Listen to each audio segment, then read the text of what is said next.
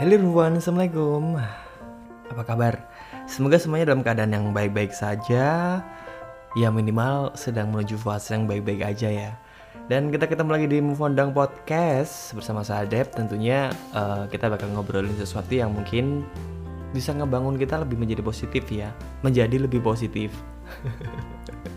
Ya kita tahu dong bahwa emang dalam beberapa hari ke belakang situasi di Indonesia agak sedikit panas dan semoga listeners bisa menjadi salah satu orang yang membawa kedamaian dan juga hal-hal positif di sekitar. Nah, pas banget nih kalau hari ini kalian ingin dengerin podcast sambil melakukan kegiatan sehari-hari tanpa harus merasa terganggu oleh hal-hal yang membuat kalian merasa bad mood ya. Stay tune on, on Move On Dong Podcast.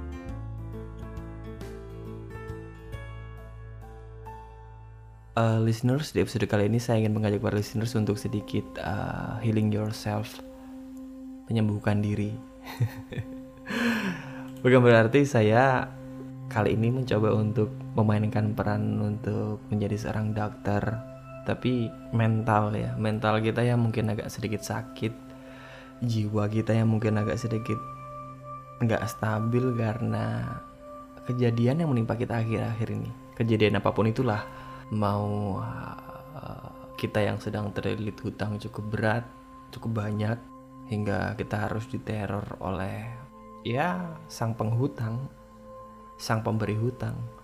Atau mungkin um, kita baru aja ditinggalkan pasangan kita karena pasangan kita berkhianat atau kita baru aja dipecat dari pekerjaan karena suatu hal yang tidak pernah kita lakukan dan hal-hal negatif lain yang kita terima padahal kita sendiri nggak pernah menuai bibit atau benih tersebut. Kita hanya terkena getahnya doang gitu. Hal ini sering banget dan saya rasa semua orang pernah mengalami hal seperti ini. Biasanya kalau uh, tertimpa permasalahan yang seperti ini kita menjadi kalut atau kita marah dengan membawi buta. Ada beberapa orang yang berpemikiran kalau kita benar lawan itu sebuah pemikiran yang menurut saya cukup berani. Tapi kalau kita tidak memahami dan kita tidak mengerti apa maksud kata lawan bisa saja kita menjadi orang yang melawan dengan membabi buta melawan dengan uh, serampangan dengan gegabah. Jadi kalau hari ini saat kalian sedang dengerin uh, podcast ini sedang keadaan yang gak stabil mentalnya sedang terbakar hatinya sedang ya dipenuhi oleh rasa amarah saya hanya bisa bilang healing yourself. Saatnya untuk cooling down saatnya untuk menenangkan diri sejenak saja. Untuk mencoba mencari tahu kenapa hal tersebut terjadi kepada kita. Jangan-jangan memang tanpa kita sadari bahwa itu adalah salah kita salah kita di masa lalu yang belum terbayarkan di masa ini. Dosa-dosa kita yang pernah kita lakukan dan kita belum pernah melakukan taubat atau minta maaf atas dosa tersebut. Saya sendiri pribadi yang percaya bahwa apa pun yang terjadi dalam hidup saya hari ini adalah produk dari sesuatu di masa lalu. Baik itu berhubungan atau tidak, tapi yang jelas selalu ada kaitan. Nah, kita harus memahami dulu nih setelah kita cooling down, kita harus mulai memahami bahwa apa pun yang terjadi di hari ini mungkin bisa saja adalah buah dari sesuatu yang kita lakukan di masa lalu, sesuatu yang negatif, sesuatu yang tanpa kita sadari menyakiti perasaan orang lain. Katakan nih contoh, uh, kita pernah ngebohongin teman dan hari ini kita dibohongin oleh salah satu klien kita. Nggak ada yang mustahil. Ini seperti Tuhan dan alam sedang berbicara dengan pribadi kita, ya gak sih? Nah, dan setelah kita cooling down dan kemudian memahami step selanjutnya yang bisa kita lakukan adalah menguatkan pikiran. Orang yang kuat bukanlah orang yang bisa mengangkat barbel ratusan kilogram, enggak, bukan seperti itu. Itu hanya kuat secara fisik, Orang yang memiliki kekuatan masa otot yang besar apabila tidak dibekali dengan pikiran yang kuat, dia menjadi pribadi yang lemah. Nah, pertama yang harus kita kuatkan adalah pikiran. Kenapa saya fokus di pikiran? Karena pikiran itu seperti benih. Kalau kita menanam pikiran yang kuat, pasti akan timbul tunas-tunas yang kuat dan tunas itu akan terus growing up, akan terus tumbuh. Saya yakin Anda pun selalu melihat banyak banget orang-orang yang kayaknya mengisi hidup dengan murung, dengan berkeluh kesah dan nggak pernah bisa merubah nasib. Kalau mungkin Anda nggak percaya silahkan deh buka sosial medianya. Saya yakin pasti ketemu deh satu atau dua orang yang mengeluh, satu atau dua orang yang meratapi nasib dengan status atau caption mereka. Nah, semoga kita tidak menjadi pribadi yang seperti itu. Karena hari ini kita sudah mulai untuk menanam pikiran yang kuat, menanam benih yang kuat. Karena pikiran seperti benih dan seperti halnya benih, apa pun yang ditanam pasti akan tumbuh. Entah itu baik, entah itu buruk.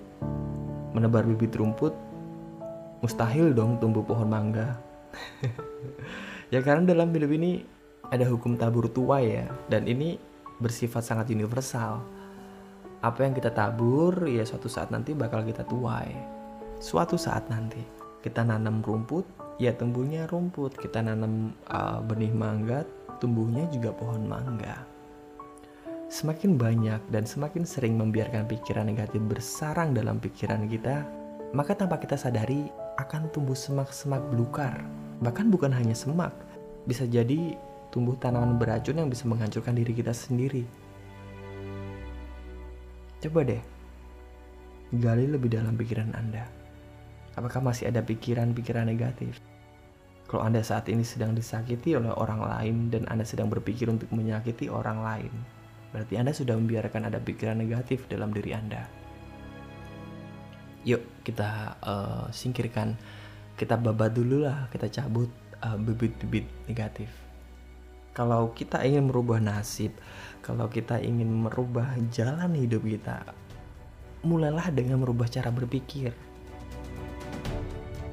Banyak sekali kejadian di mana orang berusaha terus setiap hari gagal, dia berusaha lagi gagal dan berusaha lagi gagal. Permasalahannya adalah dia melakukan sebuah metode yang sama.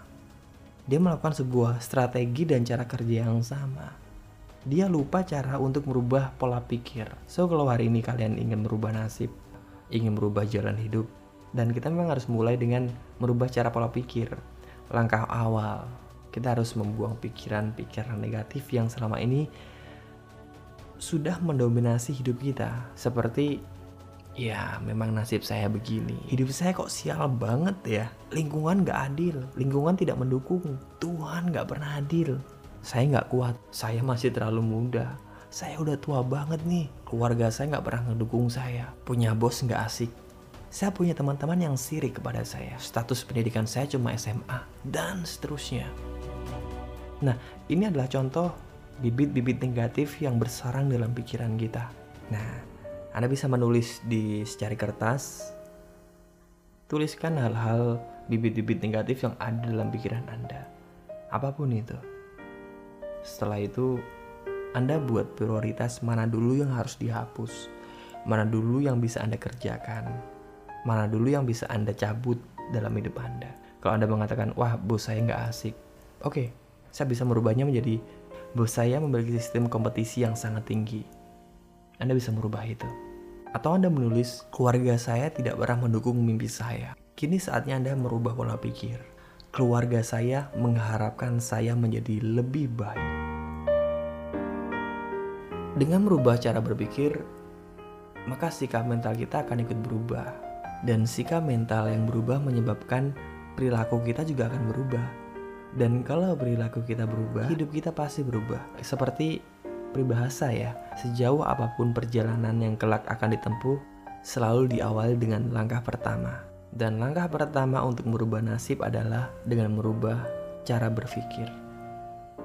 Percayalah bahwa nasib kita ada di tangan kita. Jangan pernah menyalahkan orang lain kalau nasib kita berubah.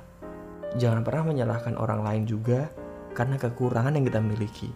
Karena tidak akan ada orang lain yang bisa merubah nasib kita, nggak pernah ada.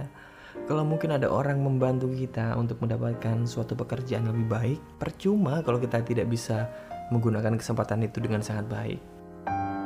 Jangankan manusia, kita tahu bahwa Tuhan gak akan pernah merubah nasib satu manusia kalau kita sendiri gak mau berusaha kok. Karena itu mulai saat ini yuk, kita buang semua pikiran negatif yang ada dalam diri kita. Dan isi hidup kita dengan hal-hal positif. Diri Anda adalah sesuatu yang Anda pikirkan. Jangan pernah menunda sesuatu, karena kalau kita menunda sesuatu berarti kita mengabaikan sebuah kesempatan.